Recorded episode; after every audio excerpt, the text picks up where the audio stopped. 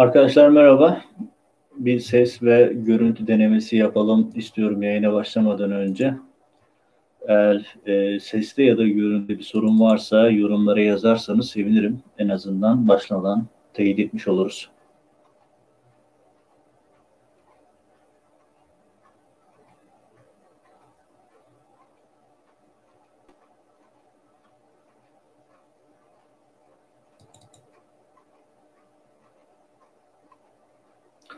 Evet, birkaç kişinin yazdığına göre seste ve görüntüde bir sıkıntı yok gözüküyor. Güzel. Saat 1'de başlayacağız demiştik. Bir dakika içerisinde başlayalım. O zaman bir sıkıntı gözükmüyor. Ha, bir dakika senkron kayık diyor birisi. Çözmeye çalışalım. Senkrondaki sorunumuzun ne olduğunu bilmiyorum ama bakarız şimdi çözeriz.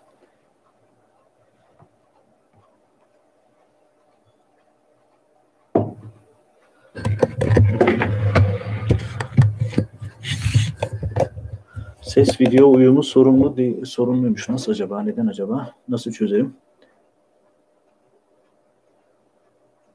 Seste bir sorun var mı?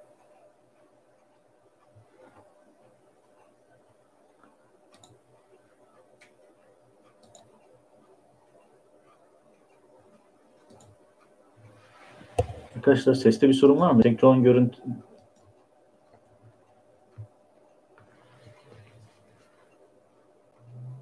Evet gayet iyi gözüküyor.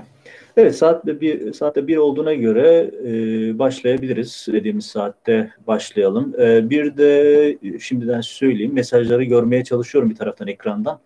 O mesajlar üzerinden de bir takım sorulara da e, seçip cevap vermeye çalışacağım. E, tabii arada trollerin küfürleri ve e, propagandalarını e, çok da önemsediğimi söylemeyeyim. E, önemsediğimi söylemeyeyim. Yani onları önemsemiyorum. O konuda bir sıkıntı yok. Şimdi ee, tekrar merhaba. Ses kontrolü yaptık. Görüntümüzde de bir sıkıntı yok. Artık yayına resmen başlayabiliriz. Saati de tam 1 e, New York saatiyle. Türkiye'de saat 9 yanlış bilmiyorsam.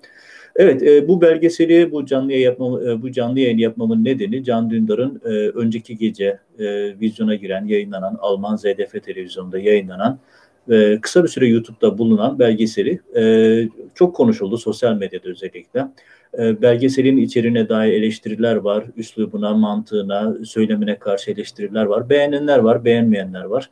Son derece normal bir durum. Yani bir ürün ortaya koyuyorsanız bunu beğenen de çıkar, beğenmeyen de çıkar. E, ben de bir gazeteci olarak ki özellikle 15 Temmuz konusunda bayağı mesai harcamış birisi olarak gözlemlerimi ve e, artıda ekside gördüğüm yerleri paylaşacağım. E, sırasıyla e, gördüğüm notları aktaracağım ve neyi doğru bulduğumu, neyi beğenmediğimi, neyi yanlış bulduğumu da size aktarmış olacağım. Öncelikle söyleyeyim Can Dündar'ın 15 Temmuz belgeseli yapması e, ben şahsen duyduğum zaman e, merakla bekledim. Çünkü Can Dündar tecrübeli bir belgeselci ve 15 Temmuz gibi Türkiye'nin tarihinin en önemli konularından birisiyle ilgili belgesel yapması, yapmaya başlamasına dair YouTube'daki kendi ifadesini gördükten sonra açıkçası bende ciddi bir beklenti oluştu. Çünkü 15 Temmuz konusu üzerine çalışan zaten çok fazla gazeteci yok. Bir avuç gazeteci var. Ee, Türkiye'de olanlar bir şekilde konuya müdahil olursa tutuklanıyorlar, kendini Silivri'de buluyorlar. Yurt dışında olanlar da e, kısıtlı imkanlarla e, büyük bir sansüre rağmen bir şeyler ortaya koymaya çalışıyorlar. Dört yıl içerisinde ciddi mesafe alındı. Ortaya bir takım e, inkar edilemez bilgiler, belgeler çıkartıldı. Bunların karşılığında yeni bir takım veriler ortaya çıkacak mı? Can Dündar yeni bir şeyler ortaya koyacak mı diye e, açıkçası büyük merakla belgeseli bekledim. E, belgeseli e, dün gece geç saatte bir şekilde ulaşıp izleyebildim. Bulunduğum ülkede web sitesinde yayınlanmıyor Amerika'da. Sonra bir şekilde YouTube'dan buldum, izledim. İlk izlenimimi söyleyeyim. Yani eğer Can Dündar e, yayınladığı e, fragmanda bir yıl boyunca didik didik ettik, çok önemli şeyler, çalışmalar yaptık demese e, sorun yoktu. Ama bence sorun var çünkü ortada belgeselin ortaya koyduğu yeni bir bilgi yok. Aksine göz ardı ettiği, yayına aktarmadığı, 15 Temmuz'un özellikle de köprü ayağının, çünkü bu bir köprü belgeseli adı üzerinde, köprü ayağının e, aydınlanması, anlaşılması için çok hayat olan bir takım verileri de belgesele koymadığını gördüm. Benim açımdan ciddi bir hayal kırıklığıydı. Çok yüzeysel buldum. Sadece ben değil, e, gördüğüm kadarıyla birçok meslektaş da, özellikle de Almanya'daki bir takım meslektaşlar da belgeseli oldukça yüzeysel bulmuş. Çünkü derinlemesine araştırılması, yani iddianız bu. Hani şimdi şöyle, en baştan siz deseniz ki, ya ben bir şeye inanıyorum. Bence Fenerbahçe dünyanın en büyük kulübü, en başarılı kulübü. Buna inanıyorum.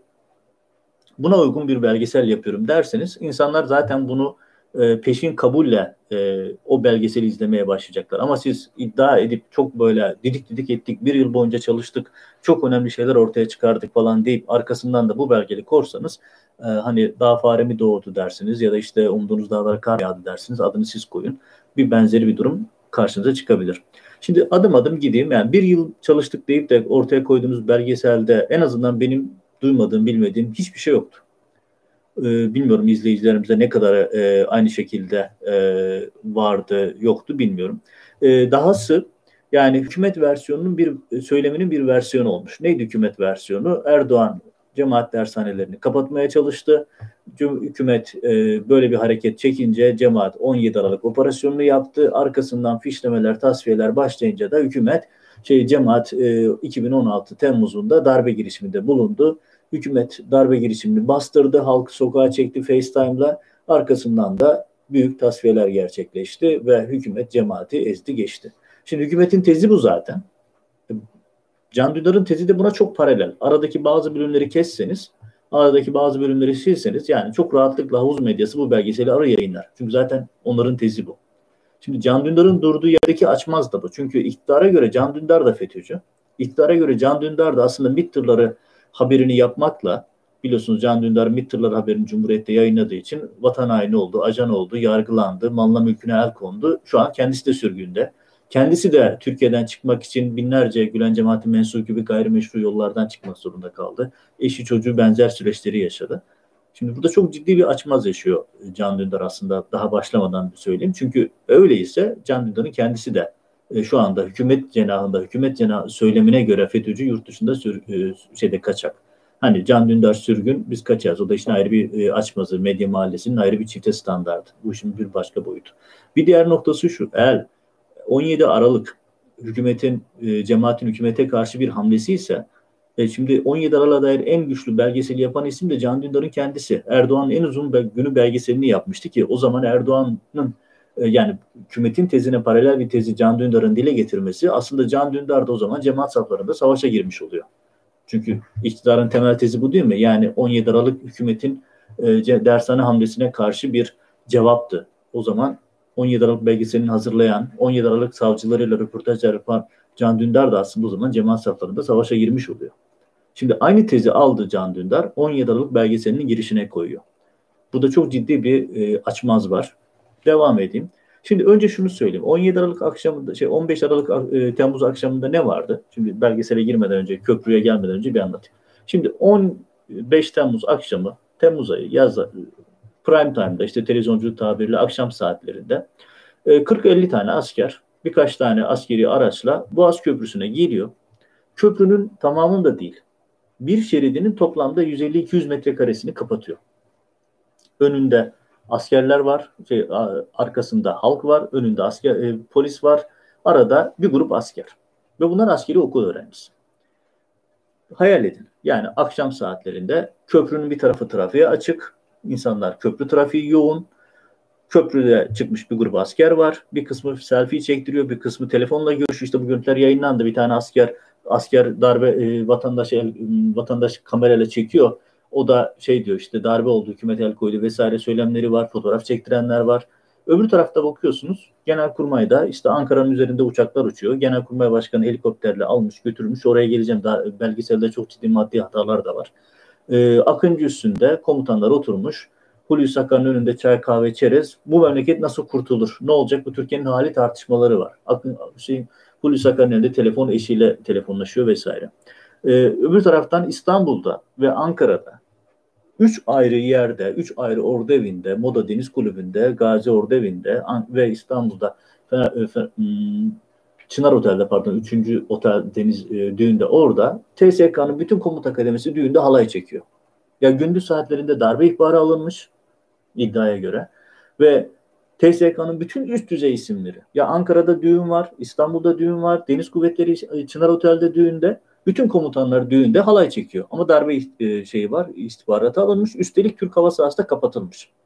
Bu ara Hulusi Akar Akın, şeyde, e, Akıncı'da. E, devam edeyim. O ara işte Hava Kuvvetleri Komutanı, Türkiye'nin hava sahası kapatılmış. Uçaklar havada alçak uçuş yaparken Hava Kuvvetleri Komutanı elini kolunu sallaya sallaya sözde göz altında sağında solunda korumaları var ki bu korumaları da darbeden daha sonra cemaatçi diye tutuklandı. İşin garip tarafı şu e, Hulusi şeyin Abidin Ünal'ın korumaları ile ilgili Abidin Ünal daha sonra bunların cemaatçi değil deyip göreve devam ettirdiği isimlerdi. Daha sonra onlar da tutuklanıyor vesaire. Helikoptere biniyor. Elinde telefon. Gün boyu dar, şey, düşünün darbeciler sizi almış güya. Uçağa biniyorsunuz gidiyorsunuz Akıncı ama o ara Eskişehir'de darbeye karşı hareketi koordine ediyorsunuz. Bunu Abidin Ünal yapıyor. Ee, uçakta gidiyor, hava şeye Akıncı'ya iniyor. Çocuklar iyi akşamlar diyor, kolay gelsin diyor. Düşünün yani Ankara'nın üzerinde uçan pilotlara söylüyor bunu. Sonra işte Ankara'da tanklar sokakta kayboluyor. Bunların hepsi iddianamelerde var malum. Bazı tanklar genel kurmaya bile ulaşamıyor. İçlerinde bomba yok. İçerisine pla- şey konmuş. Sonra Cumhurbaşkanı Marmaris'te. Marmaris'te Cumhurbaşkanı işte gazetecileri topluyor. Demeç veriyor ona geleceğim birazdan. O soru demeç nedense yayınlanmıyor. Sonra FaceTime'da bağlanıyor. Böyle çok ışık şartları falan kötü. Hani sanki bir böyle sığınaktan bağlanıyormuş gibi. FaceTime'dan bağlanıyor ve FaceTime'da bakıyorsunuz e, Erdoğan vatandaşları sokağa çağırıyor. Arkasından e, insanlar sokaklara çıkıyorlar. Ama darbeciler Erdoğan Marmaris'ten ayrıldıktan İstanbul'a indikten sonra Çiğli'den kalkıp oraya gidiyorlar vesaire. Şimdi bütün bunları özetlemem nedeni şu. Yani Can Dündar'ın bir kenarından girdiği tablo aslında böyle bir tablo. Şimdi yani ortada 250 şehit olmasa 15 Temmuz'a dair çok böyle matrak bir film çekilebilir. Çünkü her şey bir e, abukluk serisi halinde gerçekleşiyor. Yani düşünün darbecisiniz, darbe yapmaya gidiyorsunuz ama e, darbenin bir numaralı hedefi şehirden ayrıldıktan sonra siz harekete geçiyorsunuz. Gidiyorsunuz, oteli bile bilmiyorsunuz, yoldan çevirdiniz taksiciye soruyorsunuz. Şimdi hükümet yanağına göre bu darbecilerin acemiliği ama yani bunu herhalde herhangi birisi yapmaz. Yani böyle bir abukluk yapılacak bir şey değil. Şimdi devam edelim. Yani böyle bir ortamda başlıyor e, köprü belgeseli ve köprüden giriyor. Şimdi bence çok temel sorunlardan bir tanesi şu. Yani Can Dündar'ın temel bir algısı var ve o algıya uygun bir belgesel üretmiş. Yani bu da hani herkesin bir fikri olabilir, normaldir. Bir inancı olabilir ama siz bir belgesel yapıyorum adına belgesel dediğiniz bir şey ortaya koyuyorsanız, ürün ortaya koyuyorsanız belgesel yapıyorsanız ve mutlaka bütün alternatif fikirleri de ortaya koymanız gerekir. Alternatif görüşleri de ortaya koymanız gerekir. Adı üzerinde belgesel. Hani siz bir kurgu yapmıyorsunuz ya da Kurtlar Vadisi'nin başlangıcında olduğu gibi bu filmde izleyeceğiniz her şey hayal ürünüdür, kişiler ve olaylar e, gerçeklerle bağdaşmamaktadır diye bir not koymuyorsanız ki dizilerde bunlar konuyor ama belgesellerde tam tersi olmak zorunda. Şimdi bu belgesele mesela ben adını ilk kez duydum. Maximin Maximilian Pop isimli Dersi Bikel'in 2016-2019 dönemi Türkiye'de muhabirliği yapan isimle başlıyorsunuz. Ve bu isim öyle bir tablo çiziyor ki yani o tablo aslında bütün belgesele ağırlığını koymuş. Nasıl? Bütün olay Erdoğan'la Gülen arasındaki güç mücadelesi. Gülen işte gizli hedefleri olan devlette kadrolaşan birisi. Hatta ben 28 Şubat döneminden böyle kaseti de görmemiştim. Fethullah Gülen'in bir işte devlette kadrolaşın talimatının olduğu ki yıllardır o kaset ortada yoktu. Bu vesileyle de görmüş olduk. E, bu iki grup mücadele etti. Erdoğan cemaatin e, dershanelerini kapatmak isteyince oradaki ifade çok ilginç. Gülen arşivindeki kasetlerden birini servis etti ki orada da işte 17 Aralık ses kaydı ortaya geliyor. Yani Gülen'in arşivinde kasetler var onlar servis edildi. İşte 17 Aralık böyle patladı. Ya şimdi 17 Aralık belgeselini yapmış bir isim Can Dündar. Savcılarla konuşmuş bir isim. Ya 17 Aralık davası yargılamasında Reza Zarrab'ın itirafçı olmuş. E, Türkiye'nin parasını verdiği avukatlar gitmiş. E, New York'ta mahkemede ben onu burada günlerce yayınlarda anlattım size. Duruşmayı gün gün izledim. Kabul etmiş. Reza Zarrab itirafçı olmuş. Türkiye'nin avukatları kabul etmiş. Ortada e, İran ambargosunun delinmesi ki önümüzdeki Mart'ta yeni davası başlıyor. Yani 17 Aralık olayında hükümet cenahı bile bunun dershanelere cevap olduğu söyleminden artık vazgeçti. Ama Can Dündar'ın belgeselinde Maximilian Pop'un söylemiyle birlikte arkasından böyle başlıyor. Ha bir de burada çok temel bir bilgi yanlışı var. O da şu. Ya o dershaneler tartışması Eylül 2013'te başladı. Eylül'ün sonu Ekim'in başıydı. Ben o zaman Ankara temsiliydim. Bugün gazetesi Ankara temsiliydim ve bu sürecin içerisinde bizzat yaşadım. Benim adım telefon görüşmelerim Zarrab dosyasında tapelerinde var. Bana baskı yapılan baskılar, bana yapılan siyasi telkinlerin hepsi o dosyada var zaten. Bunların hepsi birinci elden bilerek söylüyorum. Akabinden ne oldu?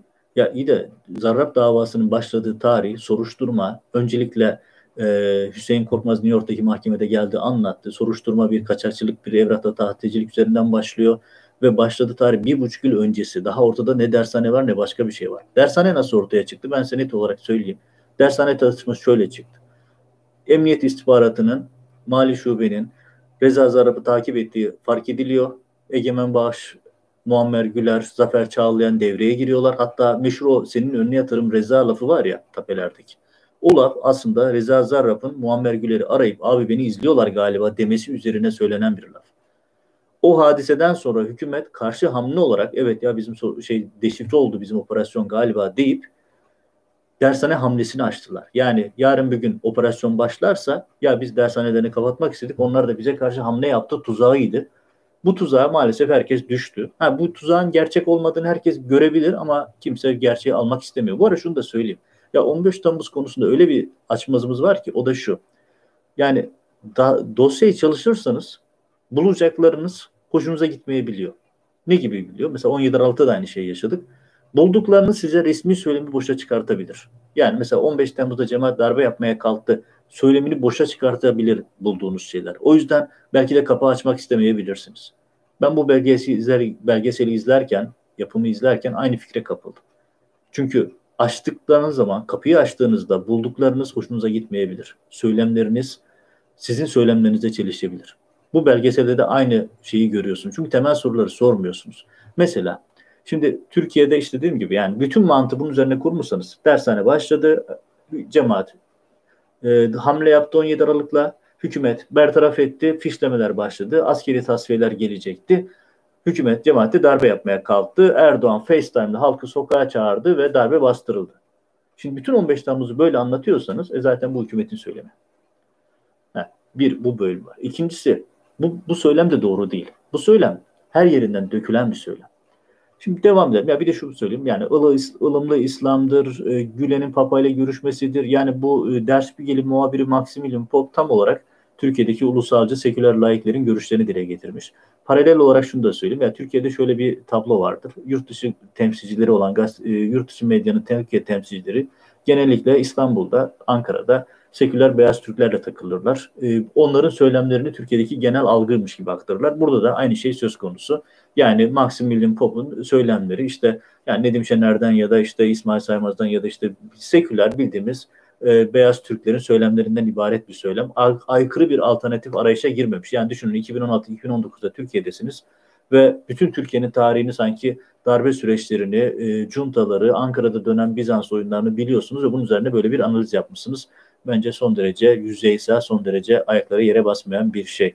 Peki şimdi gelelim e, devamında detaylara. Şimdi darbe söylemi neden köprü üzerine kurulmuş? Şey, belgesel köprü üzerine kurulmuş. Şimdi köprü deniyor ki köprü çok stratejikti. Darbede köprü stratejik falan değildi. Hiçbir darbede de zaten köprü stratejik olamaz.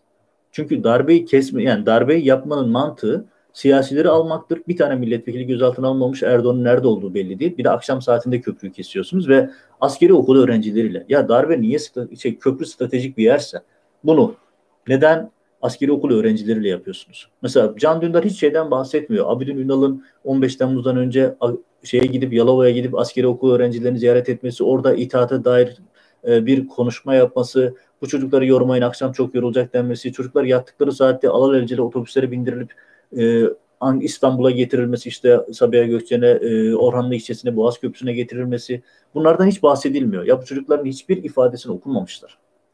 Bu çocukların ateş etmediği belli. İşte Harbiyeli genç kızların hikayelerini aylardır, yıllardır burada anlatıyoruz. Bilirkişi raporu açık, e, ellerinde swap izleri açık, e, kriminal raporlar açık. Bunlar ateş etmemişler. Bu çocukların oraya nasıl getirildiği bölümü hiç yok.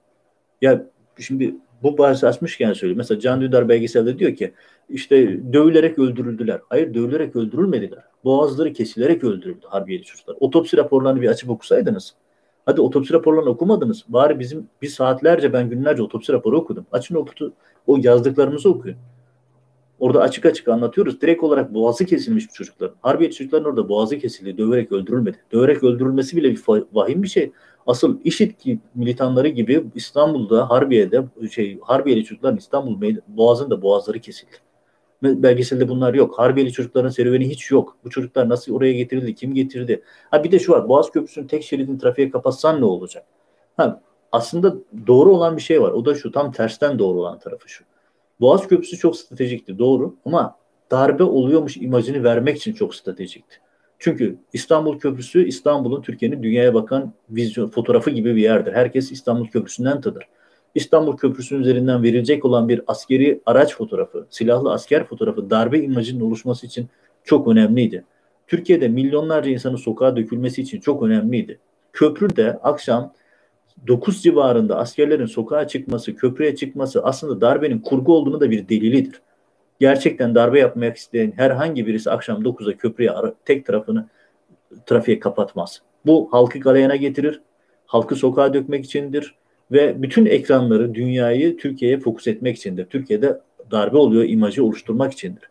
Bu açıdan bakılırsa aslında darbe kurgusunu planlayanların çok doğru bir hamlesidir. Köprüyü akşam o saatte bir grup askerle kesmek. Ve yani düşünün hani tekrar basit bir soru sorayım. Köprü stratejikse bu kadar stratejik bir yeri neden harp okulu öğrencileriyle tutmaya çalışıyorsunuz? Ya harp, İstanbul Köprüsü'nün ayağında birinci ordu var. Birinci ordu darbeye katılmadı diyelim. Birinci Ordu Komutanı darbe e, köprünün ayağında, İstanbul Emniyet Müdürü ayağında, kor generaller ayağında, başka önemli isimler orada. Bu isimler oradaki 40-50 tane askeri bir emirle or, e, oradan çekebilecekken saatlerce çekmiyorlar. Sabah ışıklar açınca herkes kameralar net bir şekilde olayları görünceye kadar insanlar toplansın, tahrik olsun, çatışma çıksın. O köprünün üzerinde bu çocuklar ertesi gün sabaha kadar tutuluyor. Orada 5 dakikada bertaraf edilebilecek bir ekip var orada. Devam edeyim detaylara. Yani neden köprünün detay olduğu, e, önemli olduğu yok. Mesela Erdoğan'ın Cuma günü yaptıklarına dair bir sürü sorunun cevabı yok. Ha şu haksızlığı yapmış olmuyor. Yani er, e, Can Dündar şu demiyor. İşte bu tek 15 Temmuz belgeseli değil. Belki başkalarını yapacak. İnşallah yapar. Marmaris'i yapar, Akıncı'yı yapar, başka boyutları yapar. Ama mesela Erdoğan'ın Cuma gününe dair birçok şeyi boş bırakmış. Yani Erdoğan işte tatil yapıyordu. Facebook, FaceTime'le geldi oraya da geleceğim. Şimdi mesela Harbiyelilerin durumuyla ilgili şeyleri gündeme getirmemiş. Şirin Ünal'ın e, hani Hakan Fidan karargaha gitti diyor. Ya bir de şöyle düşünün. Şimdi binbaşı geldi. Size dedi ki darbe var. Ya asker darbe yapacak. Siz darbenin merkezine gider misiniz? Bir şeyin garantisini almadan kalkıp Hakan Fidan karargaha gidiyor. Hulusi Akar'ın darbeci olmadığından nasıl eminsiniz? Darbe karargaha gittiğinizde emin e, gözaltına alınmayacağından nasıl eminsiniz? Mesela Can Dündar bunların hiçbirini sorgulamıyor yani şöyle bir söylem, hükümetin söylemişti. Binbaşı ihbar ettiği için e, Hakan Fidan karargaha gitti. Ya karargaha gittiniz ama orada Erdoğan'a haber verilmiyor, kuvvet komutanlarına haber verilmiyor. Yani düşünün bunların hiçbirisi yok. Bunların sorgulanması bir belgeselde olmazsa olmaz. En baştan söyledim. Yani işte ders bir gelin muhabirinin bir argümanını söylüyorsanız bu argümana karşı argümanı belgeselde yer vermek zorundasınız. Hani bu gazetecilik 101'dir yani. Siz bir iddianın double check'ini yapmak yanında bir de karşı görüşünü vermeniz gerekir. Bu Can Dündar gibi yılların bir belgeselcisinden beklenmeyecek bir eksiklik. Hani bunu bilerek şey bu bu eksikliği e, hani düşünememiş olmasını düşünmüyorum. Yani bu sadece benim ideolojime ya da benim e, inancıma uygun bir belgesel e, ya da bir yayın e, oluşturmaya çalışmanın başka bir versiyonu. Ve burada mesela işte Şirin Ünal'ın karargahtaki AKP'lerin bilmesine dair hiçbir şeyden girilmiyor. Mesela işte Fidan'ın mesela diyor ki işte Fidan karargahtan ayrıldı. Yanında o ara işte bir üsteğmen var protokol subayı ki o üsteğmen ağır işkenceler gördü mesela ondan hiç bahsetmiyor. Ee, o üsteğmen hemen panikle düğmeye bastı. İşte bir saat sonrası için hazırlanmaya başladılar. Ya iyi de Genelkurmay karargahını teslim almaya gelen iddiaya göre Albay Fırat Alakuş Başkanı'ndaki özel kuvvetlere ekibi Genelkurmay şey Fidan karargahtan ayrıldıktan bir dakika sonra harekete geçiyor. Yani bunun bir izahı olmalı. Bir dakika sonra harekete geçiyor ve onlar diyor ki ifadelerinde bütün ifadeleri okudum. Bize verilen görev akşam 8.30 itibariyleydi zaten diyor. Yani karargaha gitme ve karargahı tedbir güven altına alma. Burada şunu da söylemek lazım. Mesela Alman Büyükelçi diyor ki biliyorsunuz Büyükelçiler sadece siyasi makam değildir. Aynı zamanda büyük bir misyonu da istihbari faaliyetler içindir. Büyükelçilerin ekip çalışanlarının yarısı istihbaratçıdır. Diyor ki biz ilk önce IŞİD saldırısı olduğunu varsaydık. Mesela Can Dündar'ın belgesinde bu bilgilerin hiçbiri yok. Yani düşünün Türkiye 17-15 Temmuz'a nasıl gitti? Ankara Merasim Sokak'taki, İstanbul Havalimanı'ndaki, Sultanahmet'teki Türkiye'nin her yerinde büyük bombalar patlıyordu. IŞİD tehdidi vardı. Ben Washington'daydım. Olayı ilk gördüğümde direkt Ankara'daki bir meslektaşımı aradım. Ya ne oluyor IŞİD saldırısı falan mı vardı? Çünkü herkesin beklentisi bu. Zaten bütün askerler aynı ifadeyi veriyor. Biz zaten saldırılar öyle diken üstündeydik. Şimdi aynı şeyi Alman Büyükelçi söylüyor. Mesela bu bölüm hiç yok. Ya 15 Temmuz'da Türkiye nasıl gitti? Boğaz Köprüsü'ne insanlar dikkat edin vatandaşlar da zaten galiba işit saldırısı var diyor. Hatta havuz medyasının Yeni Şafak Kanal 7'si dahi olmak üzere Boğaz Köprüsü'nde ilk askerleri görüldüğü zaman terör saldırısı alarmı haberleri girdiler. Çünkü herkes aynı psikolojide zaten. Mesela buralar yok. Buraların da olması gerekirdi. Mesela e, görüntülerde çok ciddi maddi hata, şey belgeselde maddi hatalar da var. Mesela diyor ki daha hemen başında e, Erdoğan diyor Akar'a arada ulaşamadı. Mesela o çok büyük bir muammadır. Ya düşünün istihbarat almışsınız. Hakan Fidan yanınıza geliyor. Hakan Fidan telefonunu yanına bile almıyor. Arabada bırakıyor. Abdülkadir Selvi'nin belge kitabında var. Akar'la otururken işte Erdoğan'ın koruma müdürünü arıyorlar. İşte saldırı olursa hazır mısınız diyorlar. O da evet hazırız diyor. Telefonu kapatıyorlar. Ya bu mudur yani? Hani buna mı inanmamızı bekliyorsunuz? Ya başbakanın, işte Cumhurbaşkanı'nın koruma müdürünü istihbarat başkanı arıyor. Erdoğan onu aramıyor, o onu aramıyor. Hiç kimse hiç kimseyi aramıyor. Komutanlar birbiriyle görüşmüyor. İçişleri Bakanı ortada yok. E, sorduk, aradık, ulaşamadık. Bu mudur yani şimdi? Hava sahası kapatılmış. Hava sahası 19.03 itibariyle kapatılıyor. Abidin'in hava sahası kapatılma bilgisini aldıktan sonra düğüne devam ediyor. Ya darbe oluyormuş ama biz halay çekelim diyorlar komutanlar. Bir de şu var mesela Can Dündar'ın temel yanılgılarından bir tanesi şu diyor ki işte akşam gece 3'e göre hazırlanmıştı ama e, Hakan Fidan gelince panik oldu. Bu hükümetin söylemi darbeyi öne çektiler. Ya iyi de e, Genelkurmay karargahının güven altına alınması tırnak içerisindeki ifade o. Akşam 8.30'a görevlendirilmiş. E, düğünü basmakla görevlendirilen Konya'daki Maktimi sabah 6'da yola çıkmış. Görevlendirmesi akşam o saatte. Herhalde gece 3'te düğün yapmayacaktı bu adamlar. Yani birçok temel mantık hataları var. Bir de ya dediğim gibi yani maalesef hani darbe bu bir yıl çalıştık dedikleri e, belgeselle ilgili maalesef iddianame, ifade, mütalaa okumamışlar. Okusalar ya Akıncı'yı okusanız, düğüm olayını okusanız, köprüyü okursanız bunları zaten görürsünüz. Orada insanlar anlatıyor. Harbiyeli öğrenciler oraya nasıl geldiklerini anlatıyor, kendilerinin nasıl getirildiğini anlatıyor, nelerle karşılaştıklarını anlatılıyor. Ya meclis tutanakları. Şimdi meclis tutanaklarını okursanız mecliste bir komisyon kuruldu. Sonra bu ara parantez açıp söyleyeyim. Ya o komedi olan e, rapor mecliste yayınlanmadı, kaldırıldı. Ona rağmen düşünün yani AKP'lerin e, bütün kritik isimleri e, konuşturtmadan, e, önemli isimleri hiçbir şey sormadan yazdıkları rapor bile yayınlanmadı. O raporu bile yayınlayamadılar. Çünkü o raporda da bir sürü soru var. Yani AKP'nin olayı bildiği, darbenin önceden hazırlanıldığına dair tonla veri vardı orada da. Orada da işte İstanbul Emniyet Müdürü anlatıyor. Biz diyor birinci Ordu Komutanı'yla birlikte İstanbul Boğaz Köprüsü'ndeydik. Ya karşınızda 20-30 tane askeri öğrencisi var. Birkaç tane işte Can Dündar belgeselde anlatıyor.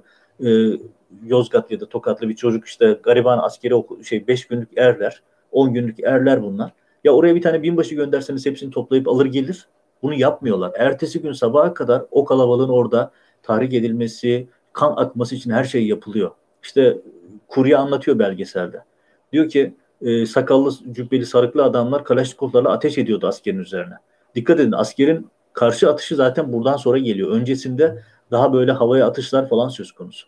Şimdi devam edeyim. Ya şimdi Akar şimdi geri döneyim bu şeye. Diyor ki belgeselde Can Dündar. İşte Erdoğan Akar'a arada ulaşamadı. Çünkü Akar'ın elleri bağlı, ağzı bantlıydı. Ya ne Akar böyle bir şey söylüyor, ne ifadelerde var. Ya onu geçtim. Can Dündar'ın bunu söylediği anda görüntülerde Akar'ın karargahtan çıkması ve helikoptere binme görüntüsü var. Akar'ın elleri açık dönüyor benim şapkamı getirin diyor. Görüntülerde zaten var bunu herkes de söylüyor. Eli bağlı değil, ağzı bağlı değil. Etrafındaki insanlar saygılı bir şekilde ona eşlik ediyorlar. Helikoptere bir esir gibi değil, bir komutan gibi gidiyor. Uçağa helikoptere bindiğinde e, helikopter pilotuna geç kaldığınız çocuklar diye kızıyor. Yani bunların hepsi ifadelerde var. Bunların hepsi iddianamelerde var. Bunların hepsi müteallerde var. Ya hiçbirini okumamışlar. Yani şimdi bir de görüntüyü izleseniz hani gerçekten insan şunu anlamakta zorlanıyor. Yani Erdoğan Akar'a ulaşamadı çünkü Akar'ın elleri bağlı, ağzı bağlıydı. Ya görüntülerde hiç öyle bir şey yok. Zaten görüntülerde açık açık gözüküyor. Hiç esir alınmış bir insan görüntüsü yok orada. Zaten kendisi de söylüyor. Bana son derece saygılıydılar diyor. Mehmet Diş'in ifadelerinde var. Akın Öztürk'ün ifadelerinde var. E, Hakan Evrim'in ifadelerinde var. Karargah Fırat Alakuş'un ifadelerinde var. Yaşar Güler'in ifadelerinde var. Var oğlu var. Yani hepsi var. Ve bunların hiçbirisinde böyle bir ifade yok. Ellerim bağlıydı, ağzım bağlıydı o yüzden ben Erdoğan arayamadım demiyor kimse.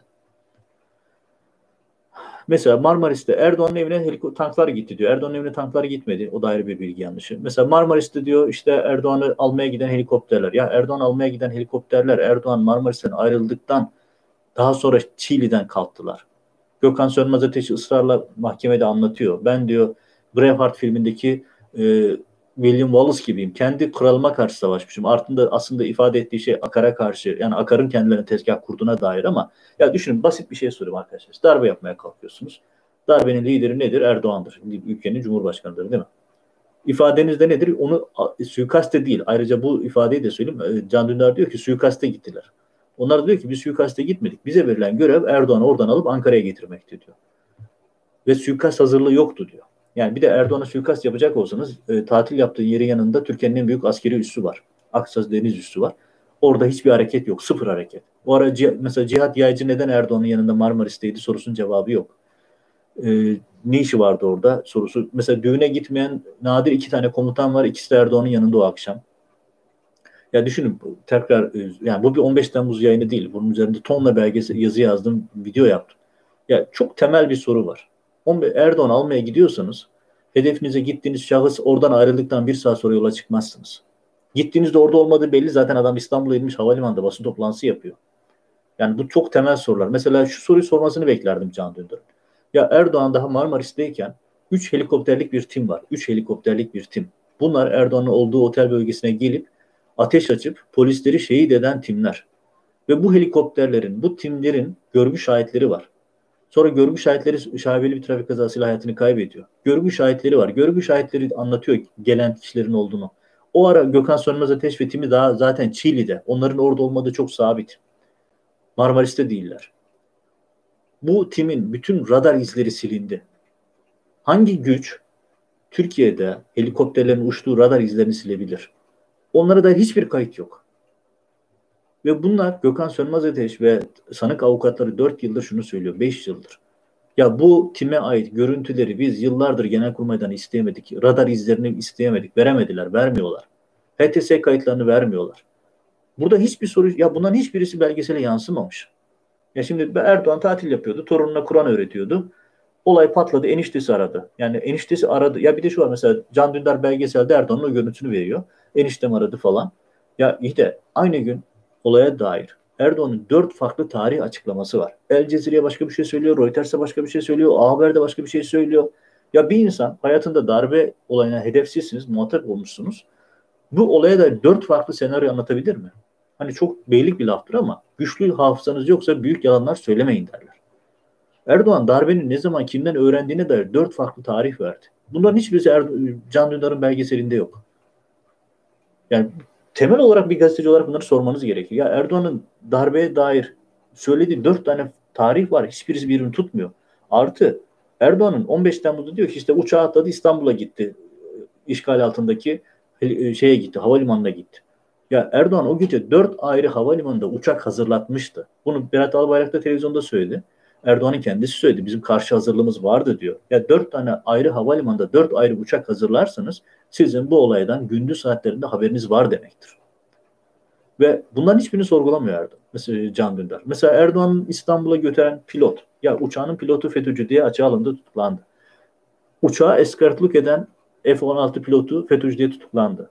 Dalaman'dan havalimanına götüren helikopterin teknisyeni FETÖ'cü diye tutuklandı. Korumaları FETÖ'cü diye tutuklandı. Ya bu nasıl bir cemaat darbesi ki? Bütün etrafındakiler Erdoğan'ı koruyan herkes cemaatçi. Şimdi bunların sorgulanması gerekir. Yok hiçbirisi yok. Devam edeyim. Ee, mesela işte e, diğer bir nokta şu. Ya köprüye geri döneyim.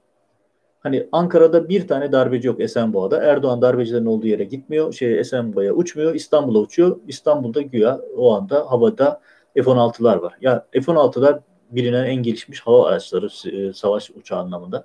F-35 var şu anda ama hala hazırda Türkiye'nin kullandığı en iyi şey o. Ve havada uçaklar uçarken siz İstanbul'a gidiyorsunuz. Yani insana sorarlar bu neyin garantisini aldığını size dokunmayacağını nereden biliyorsunuz? Ya kaldı ki Havada eskort yapan uçağın pilotunu siz FETÖ'cü diye, cemaatçi diye tutukladınız. Erdoğan'ı götüren pilotun, e, uçağın pilotunu da tutukladınız. Açığa aldınız, orada tutuklandı yanlış bilmiyorsam. Şimdi gelelim köprüye geri dönelim köprü. Yani köprü merkezli bir yayın olur. Ya şimdi köprüye çıktınız. Hani köprü stratejik bir yerse neden askeri okul öğrencilerine koyduğunuz sorusunu tekrar hatırlatalım. İkincisi varsayalım bir grup insan köprüyü işgal etmek istedi. Diyorum ya bakın önünde polisler var, arkasında halk var, arka tarafta trafik kesilmiş. Toplamda 200 metrekarelik bir alanı tutan bir grup asker var orada. Saatler boyunca o tanklar Maltepe'deki zırhlı birlikten kalkıyor oraya geliyor. Hiç kimse fark etmiyor mu ya bunlar nereye gidiyor diye. Yok. Birinci Ordu Komutanı. Bütün komutanlar düğünde birinci Ordu Komutanı değil. Neden? Mazeret bildirdi mi? Ne söyledi? Hiçbir cevabı yok. Birinci Ordu Komutanı hatırlarsınız işte Berat Albayrak açıkladı. Dedik işte Birinci Ordu Komutanı e, aradı, bize garanti verdi falan. Sonra işte beni Devlet Bahçeli söyledi. Sonra bunu inkar ettiler vesaire. Birinci Ordu Komutanı Boğaz Köprüsü'nün ayağında. İstanbul Emniyet Müdürü Beyaz Köprüsü'nün ayağında. Boğaz Köprüsü'nün ayağında. Ya o gün İstanbul Emniyet Müdürü Mustafa Çalışkan dedi ki biz o gün Allah'ın lütfu işte dedi. Biz o gün IŞİD'e karşı bir operasyon hazırlığındaydık. İstanbul'un genelinde 5000 kişilik bir huzur operasyonu yapıyorduk. Allah'ın lütfu demek ki. O gün özel binlerce polis sahada. Bir grup asker sokağa geliyor ve onları oradan göndermek çok basit bir şey. Hiçbir şey yapmıyorlar. Saatlerce. Ya düşünün Kolgeneral Yavuz Türkgenci falan da orada. En kritik isimler orada. Kriz masasını Boğaz Köprüsü'nün ayağında oluşturuyorlar. Ya bir grup askerle çok rahatlıkla ya bakın bir tane binbaşı gönderseniz oradaki askeri öğrencileri ve erleri oradan alırsınız. Orada yüzbaşı falan var, teğmen var. Bunlar çok basit şeyler ama köprü dünyaya verilen darbe mesajı için Türkiye'de binlerce AKP'lilerin oraya toplanması için önemli bir yerdi. Kurgunun önemli bir parçasıydı köprü. Bu yüzden o askerlerin sabaha kadar orada olması, çatışması, kan dökmesi gerekiyordu. Şimdi mesela köprü boyutunda hiçbir şekilde şey anlatılmıyor. AKP'lilerin nasıl hazır olduğu anlaşılmıyor. Anlatılmıyor belgeselde. Mesela örnek vereyim. Ya keskin nişancıların anlatımları, ya keskin nişancılara dair AKP'lilerin sosyal medya paylaşımları, videolar. Onu geçtim. Erol Oğulçağ'ın, rahmetli Erol Oğulçağ'ın eşinin e, anlatımlarının hiçbirisi belgesele yansımamış. Anlatıyor orada. Benim diyor eşimi sniperlar vurdu. Ben bunu eşim çocuklarıma söylemedim. Çünkü e, Nihal Olacak diyor ki eşimi vuranlar da vuruldu. Sabah 7 gibi bana söylediler diyor. Demek ki vuranlar da vurdu. Karar Gazetesi Erol Olçak'ın otopsi raporunu yayınladı. Mermi yukarıdan belli bir açıyla geliyor. İşte sırtından vurulduğu ortada. Sırtından vurulmuş. Artı Erol Olçak havalimanına giderken eşinin anlatımları var. Boğaz Köprüsü'ne yönlendiriliyor. Onu oraya yönlendiren kişi kimdi? Onu orada neden tuttular?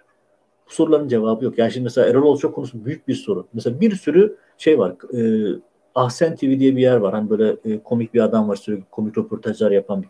Orada mesela çok hayati itiraflar var. Adam diyor ki işte e, Çalılıklar bölgesinden ateş edildi diyor. Siyah bir araçtan e, minibüsten ateşler edildi. Polis halkın üzerine ateş açtı. Bir sürü veri var. Sosyal medyaya yansımış görüntüler var. Köprüde sağ taraftan ateş eden birileri var.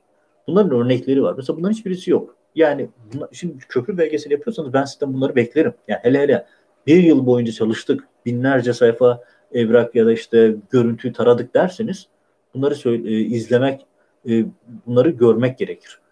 Görmüyorsanız o zaman başka bir soru işaretiyle karşı karşıyayız. Daha büyük bir soru işareti. Şimdi devam edeyim. Mesela İstanbul Cumhuriyet Başsavcısı tarih vererek söyleyeyim. Belki Can Dündar ya da işte yardım e, araştırma yardım eden ekip görmemiş olabilir. Söylüyorum. 4 Ekim 2016 19 Ekim 2016'da talimat üzerine verilen 19 e, Ekim 2016'da Nevşehir'de talimatın tarihi 4 Ekim 2016 19 Ekim 2016'da Nevşehir'de ifade veren BK isimli birisi var. Diyor ki istihbaratçı tanıdığım olduğu için 15 Temmuz'da darbe olacağını biliyordum. Nevşehir'den kalktım İstanbul'a gittim. Ümraniye'de kaldım. Ertesi günde Boğaz Köprüsü'ne gittim. Şimdi bu ifadeyi verdi. Bu benzer ifadeler veren başka isimler de var. Ve bu ifadeden sonra Boğaz Köprüsü yani köprüyü anlatıyorsanız bunlar da önemli. Bunlar köprü yargılamasına var çünkü. Sonra müdahil avukatlar ifadesini değiştirsin diye BK'ya baskı yaptılar. O itiraz etti. Bir sürü kavga çıktı. İşte bunun gibi başka örnekler var diyorum. İşte bakın bu Kanal 7'de, Ahsen TV'de, orada burada görgü şahitleri var. Sivil halka ateş atıldığına dair, halka ateş açan e, şüpheli işlem kişiler olduğunu, araçlardan ateş açıldığına dair veriler var. Bunların hiçbirisi belgesele yansımamış. Mesela Nihal Olçok'un dediğim gibi Nihal Olçok'un mesela e, eşini oraya kimi yönlendirdiği gibi çok ciddi soruları var. Nevşehir'den kalk gelen AKP'lerin durumu hiç yansımamış. Ya düşünün AKP'ler o kadar hazır ki 15 Temmuz öncesinde. E, medya olarak hazırlar, belediyeler kum kamyonları doldurulmuş kavşaklara hazır bekliyor. Kumanyalar bile hazırlanmış. İşte e, AKP teşkilatlarına o ilk mesaj herkes reisin işte söylemi o ya FaceTime'ından sonra geldiler. Öyle bir şey yok. Öncesinden hepsi hazır. Bütün ifadelerde var. Mesela AKP altında ilçe başkanının ifadesi var. Biz 9 civarında bize zaten bilgi gelmişti diye. İnsanlar zaten önceden hazırlanmışlar. Ya burada şunu tekrar altını. Şimdi gerçek bir darbe ise 15 Temmuz, gerçekten darbe yaptığına inanan birileri vardı. Onu söyleyeyim. Sokağa çıkıp darbe yaptığına inanan, düşünen işte Gökhan Sönmez Ateş gibi darbe yaptığına inanan bir kısım insanlar vardı. Ama bunlar darbe yaptıklarını sandıklarında boş havuza atladıklarını çıktıkları zaman fark ettiler zaten. Yani tamamen kurgu, tamamen tiyatro diye bir şey söz konusu değil. O gün gerçekten darbe olduğunu düşünen insanlar vardı. Onlar e, Hulusi Akar'ın darbe yaptığını sanıyorlar. Çünkü aylar boyunca bu işlenmişti onlar arasında. Şimdi mesela Hulusi Akar darbe e, bu belgeselde neredeyse hiç yok. Ya Hulusi Akar'ın olmadığı bir köprü belgeseli yapıyorsun. Ya darbenin en yani Hulusi Akar darbe, Genelkurmay Başkanıydı o zaman. Fidan darbede yok. Yani Fidan'ı sorgulamıyor. Yani binbaşı geldi deniyor. Binbaşı daha sonra açığa alındı, KYK ile sonra tekrar MİT'e alındı vesaire. Bu detaylar yok. Ama Fidan yok. Yaşar Güler yok. Abidin Ünal yok. Yani çünkü köprü İstanbul ayağı önemli bunlar. Hiçbirisi yok. Erdoğan'ın dört ayrı şehirde hava uçağı hazırladığı yok. Kronolojik olarak hatalar var. Vesaire.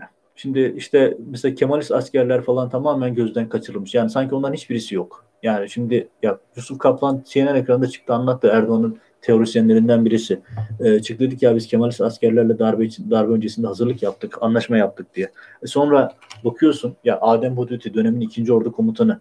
Adem Hudüti'nin Kemalist bir asker olduğuna en başta İlker Başbuğ şahit. Deli, şahitlik yaptı, kefil oldu. Bunun gibi sayısız örnek var. Şimdi darbede 15 Temmuz girişiminde Kemalist askerler yok, ulusalcılar yok. Bir grup cemaatçi yaptığı söyleniyor. Onlar da harp okulu öğrencileri. Yani köprü belgeselinin e, gerçekten çok ciddi mantık ve e, bilgi noksanları var. Yani burada şu yere çıkmak lazım. Mesela bir soru daha sormamış mesela e, FaceTime meselesiyle ilgili Can Dündar şunu da sormamış mesela. Diyor ki işte Erdoğan FaceTime'da. Şimdi FaceTime'daki görüntü ne? Erdoğan böyle ışığın az olduğu bir ortamda hani böyle sığınak gibi bir yerde FaceTime'da halkı sokağa çağırıyor. Çok fotojenik olarak çok iyi planlanmış. İyi de kardeşim FaceTime'dan önce siz bütün Marmaris'teki medyayı çağırdınız bulduğunuz otele. Hepsi ifadelerde var.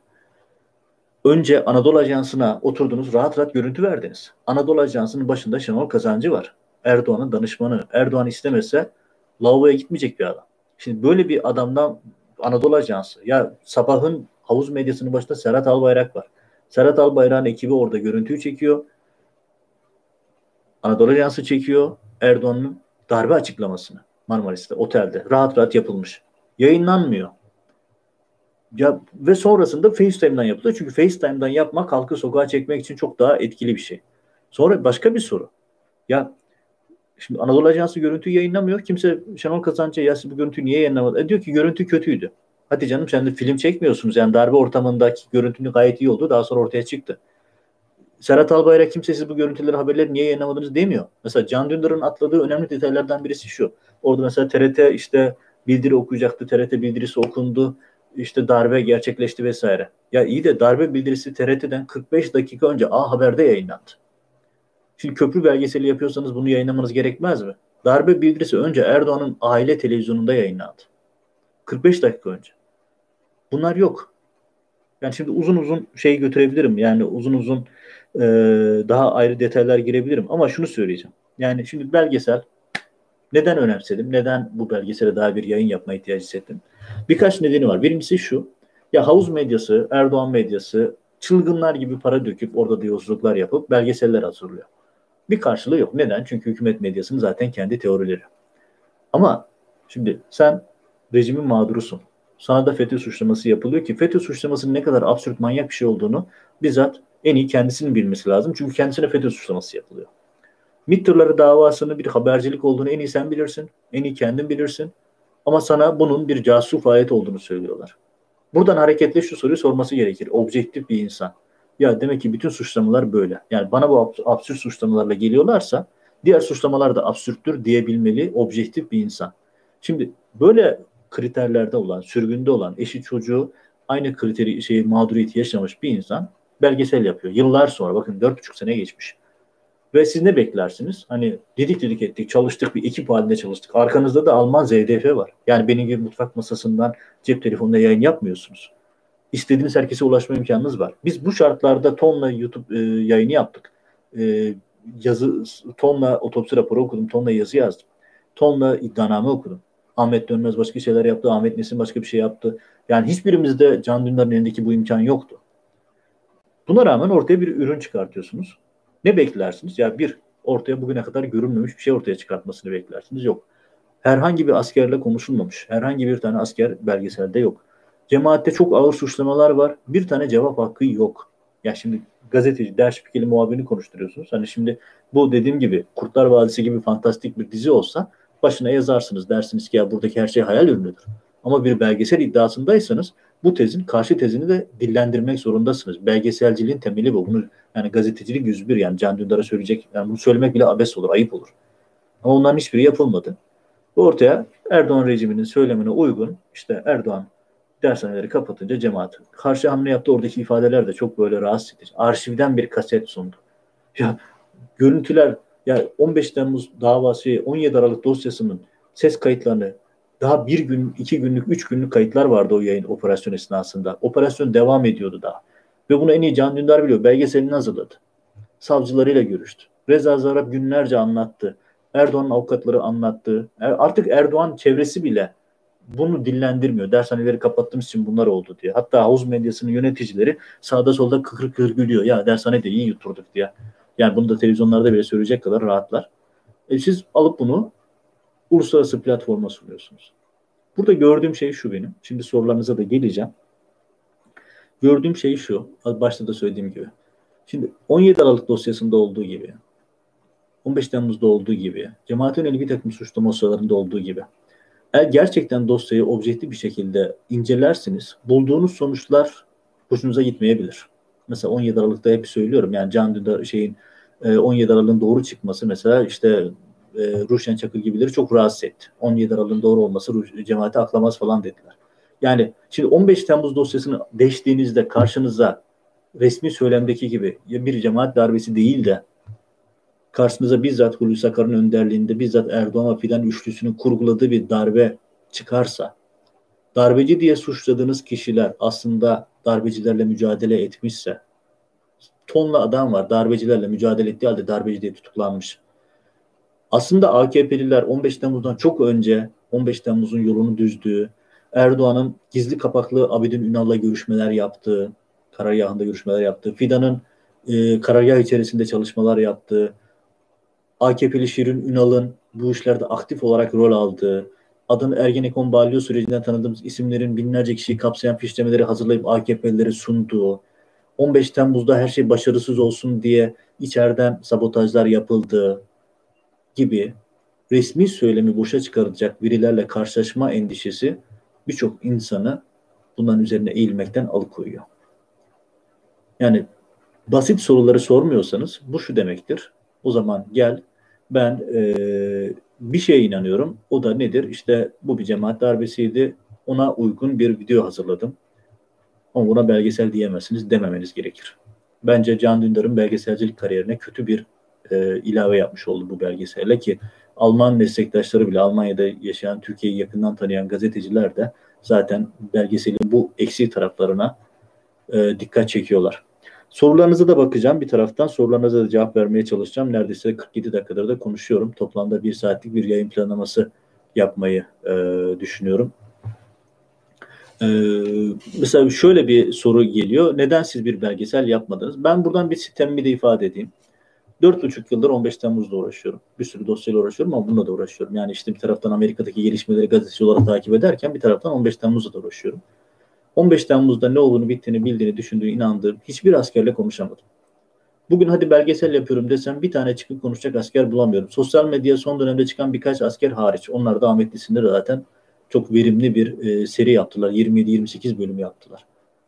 Konuşacak adam bulamıyorum. Mağdurlar konuşmuyor. Harbiyeli aileleri, Melek Çetinkaya dışında konuşacak kimseyi bulamadık.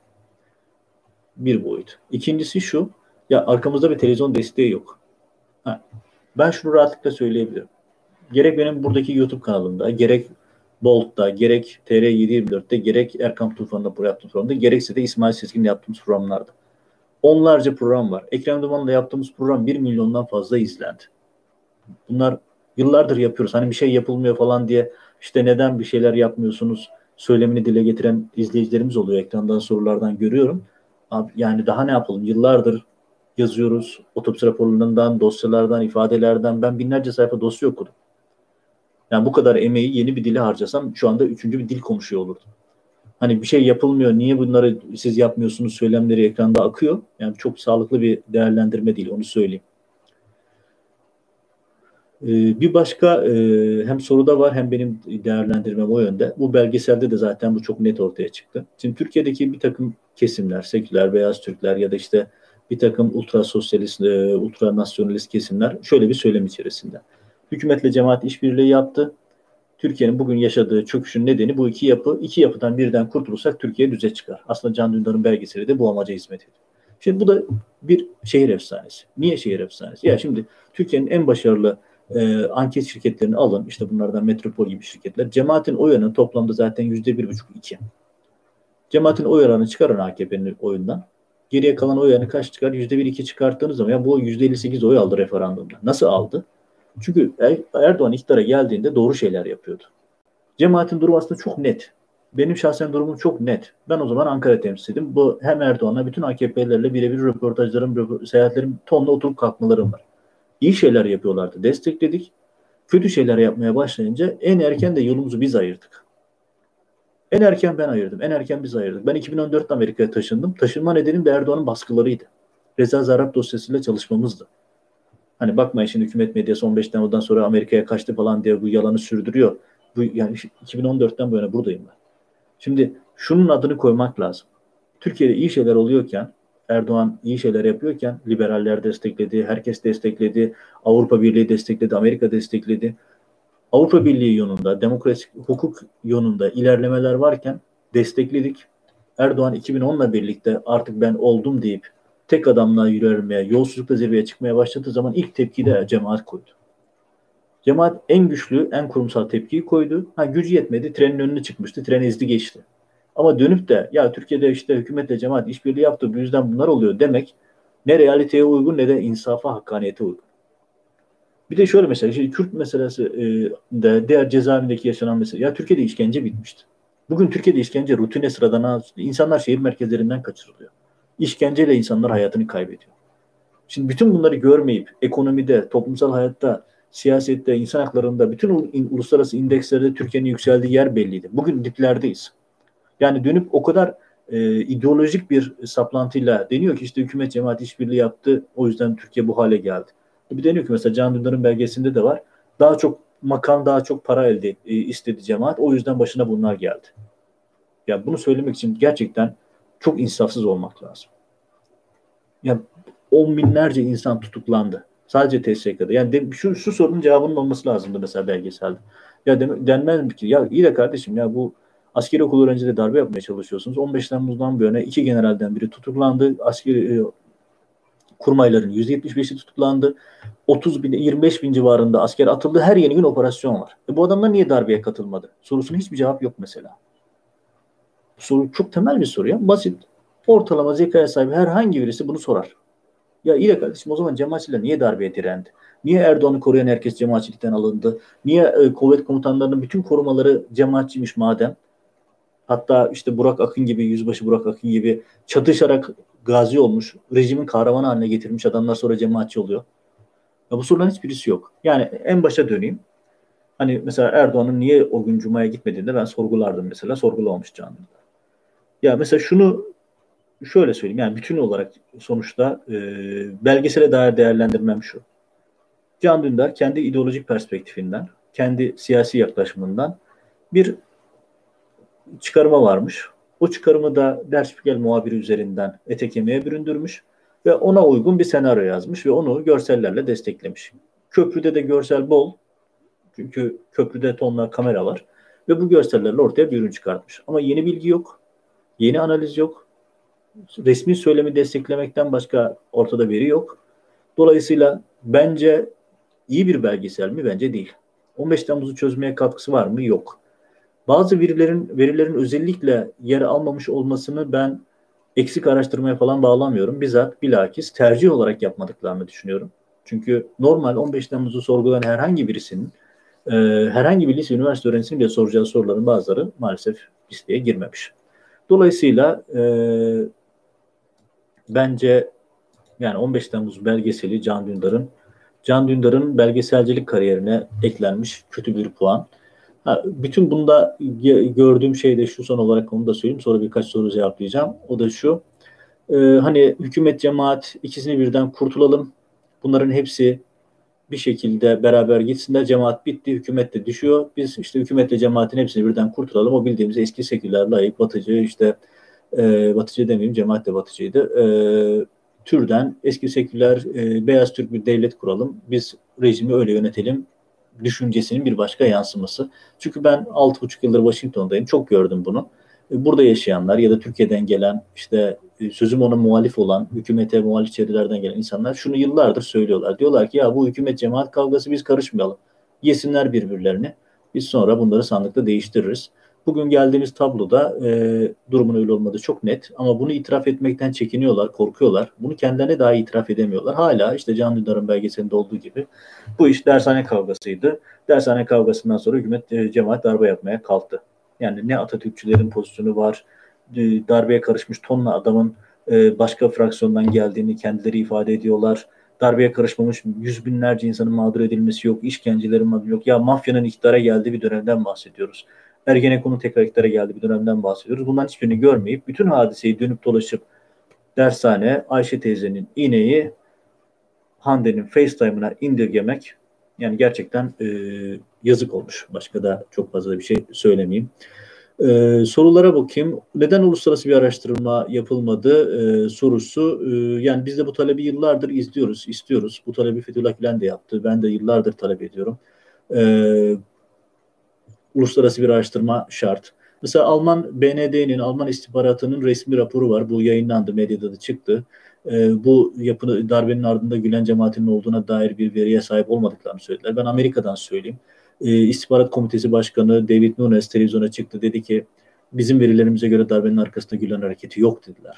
Kalbak dört buçuk yıl geçti. Türkiye hala Amerika'ya bir darbeye dair herhangi bir delil sunmadı, delil getirmedi. Resmi olarak Amerika defaatle istemesine rağmen herhangi bir şey sunulmadı. Bu önemli. Ee, Can Dündar'la röportaj yapar mısınız? Tabii ki yaparım. Yapmak isterse tabii ki yani beni davet ederse ya da kendisi bana e, programa konuk olursa amenna.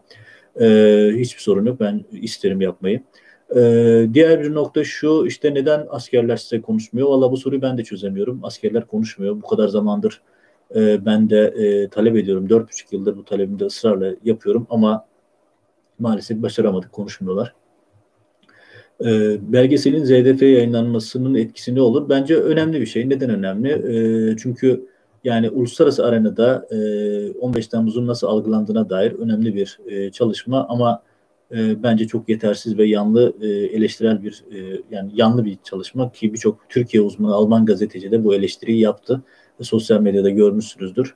Yani Türkiye'yi yakın tanıyan tecrübeli gazeteciler var. Ya bir de ben şöyle söyleyeyim. Ben böyle bir belgesel yapıyor olsam Der Spiegel'in muhabiri Maximilian gibi bir insanla yapmam. Yani daha dün gelmişsin. 2016'da Türkiye'ye gitmişsin. Sen gittiğinde zaten Türkiye'de denklem bambaşka ve oturup konuştuğun kişilerin söylemlerinin e, realiteyle bağı yok. Yani Türkiye'nin çalkantılı yıllarını yaşamamışsın, darbe girişimlerini, Ay Işığı'nı, Bel, e, Ergeni konuşumunu hiçbirini yaşamamışsın.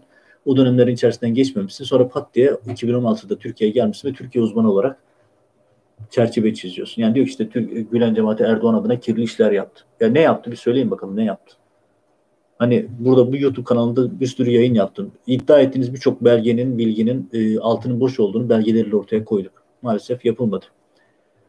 Evet, e, istihbarat örgütlerinin bilgisine dair, evet ben istihbarat örgütlerinin bildiği konusunda eminim. E, Türkiye'nin içinden geçtiği süreç, o S-400'lerin alınması bile bu sürecin bir parçasıydı. E, onu da görmemek gerek, şey görmemek olmaz. E, Amerikalıların tavrı ortada, e, son derece net. e, darbeye dair somut veri istiyorlar. Türkiye 4,5-5 yıldır bunu ortaya koyamadı. Sait Sefa ile beraber program yapar mısınız diye bir başka izleyicimiz var. Olabilir. Neden olmasın? O da kendi. O da zaten söyleyeceklerini söylüyor.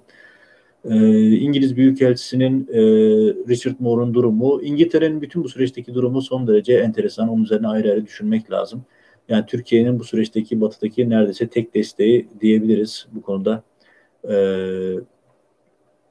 ilginç bir tavrı var. Askerlerin hepsi içeride neden konuşsunlar ki ya da nasıl konuşsunlar ki diyor. Ben e, emin olarak söyleyerek biliyorum ki yurt dışında çok sayıda asker var. Amerika'da mesela NATO görevinde olan bir sürü isim olduğunu biliyorum. Bu isimler e, üst düzey isimler de var. General seviyesinde isimler var. Maalesef bunlar medyaya konuşmuyorlar. Suskunluklarını sürdürüyorlar. E, ve bu suskunlukları maalesef e, böyle işte yani siz yaşadıklarınızı, şahit olduklarınızı, bildiklerinizi anlatmazsanız başkaları da kendi perspektifinden anlatırlar. Bu da e, maalesef bir sosyal hayatın realitesi. Can Dündar e, size terörist diyen bir haberi RT ediyor. Buna karşı hala nasıl nazik oluyorsunuz diyen bir kullanıcı var. Ya, yani ben e, kimseye hakaret etmem, böyle bir şeyim yok. E, bana terörist diyene de ben güler geçerim, ben terörist değilim. E, kaldı ki komik olan şey şu, yani bana terörist diyen Can Dündar'a da terörist diyor. Can Dündar kendisine terörist diyenleri o zaman kabul ediyor demektir. Kendisinin terörist olduğunu kabul ediyor demektir. Hani ben şöyle söyleyeyim son olarak e, sorular tekrar girmeye başladı. Şunu söyleyeyim e, zaten bir saati de doldurduk. E, şunu söyleyeyim ya Erdoğan rejiminin birine terörist demesi, onu suçlaması hani anlamsız bir şey. Hatta siz bundan gurur da duyabilirsiniz. Çünkü aksi halde yani hırsız, arsız, üçkağıtçı, işkenceci olacaksınız. Öyle olmadığınızın da bir delili. Yarın bir gün nesiller dönüp baktığında e, Erdoğan rejiminin güçlü olduğu, Erdoğan rejiminin iktidarda olduğu yıllarda siz terörist olarak anılmışsanız, sürgün bir gazeteci olarak çalışmaya devam ediyorsanız aslında bu sizin için gurur duyulacak bir şey olarak da e, kabul edilebilir. Ben öyle kabul ediyorum. Çocuklarıma da miras olarak onu bırakacağım. E, bu da e, son şey olsun. E, erken seçim ve benzeri sorular geliyor. Bunların bence çok bir şey yok. Son olarak söyleyeyim. Yani e, bir süredir e, Türkiye'den bazı kesimler Batı başkentlerinde işte Gülen'le Erdoğan arasındaki güç kavgası Türkiye'yi mahvetti. Gülen artık bitti, cemaat Türkiye'de bitti. Müntesipleri cezaevlerinde sürünüyor. Tarihin gördüğü en büyük zulümler yapılırken bu zulümlere ses çıkarmayan kişiler batıya gelip ya da işte o insanlarla oturup kaldıkları zaman bunu söylüyorlar. Ee, bunun sorumlusu Gülen ve Erdoğan ikisi. ikisinin kavgası Türkiye'yi mahvetti. İkisinden birden kurtulalım e, projesini dillendirmeye çalışıyorlar. Benim açımdan Can Dündar'ın bu belgeseli de bu amaca hizmet etmiş gözüküyor. Onun ötesinde böyle aşırı anlamlar yüklemeyi de çok doğru bulmuyorum. Sonuçta Can Dündar'ın yaptığı bir belgesel siz daha iyisini yani farklı türlü inanan farklı türlü belgeseller ortaya koyabilir. Son çağrı olarak bitireyim. Benim kişisel kanalım, başka kanallar, başka gazeteci arkadaşlar özgür e, olabilen, yurt dışında bulunduğu sebebiyle özgür olabilen insanlar bu konularda çalışma yapmaya devam edecek. Kapımız herkese açık. Konuşmak isteyen, 15 Temmuz'a dair bilgilerini paylaşmak isteyen herkese buyursunlar gelsinler konuşalım. Bu enkazı kaldıralım. Çünkü Erdoğan rejimi uyguladığı sansür rejimiyle, e, yoğun baskıyla, mahkemelerdeki baskısıyla bu mah- e, dosya Türkiye'de mahkemelerde, kamuoyunda aydınlanmasına izin vermiyor. 15 Temmuz aydınlanacaksa ancak yurt dışına çıkabilmiş, özgür yayın yapabilen gazeteciler tarafından yapılacak. Onun için bu platform herkese açık son olarak bununla bitirmiş olayım. Önümüzdeki yayınlarda görüşmek üzere. Kanalı takip eder, paylaşır, yorum yazarsanız daha çok insana ulaşma imkanı olur. Bu ara şunu da söyleyeyim. Kanal Türkiye'de kapatıldı. E, malum olduğu üzere her e, alternatif ses gibi. Eğer e, ülke ayarını değiştirirseniz, ülke ayarınızı değiştirdiğinizde e, kanala ulaşma imkanı doğar. Ona da hatırlatmış olayım. Görüşmek üzere, iyi akşamlar.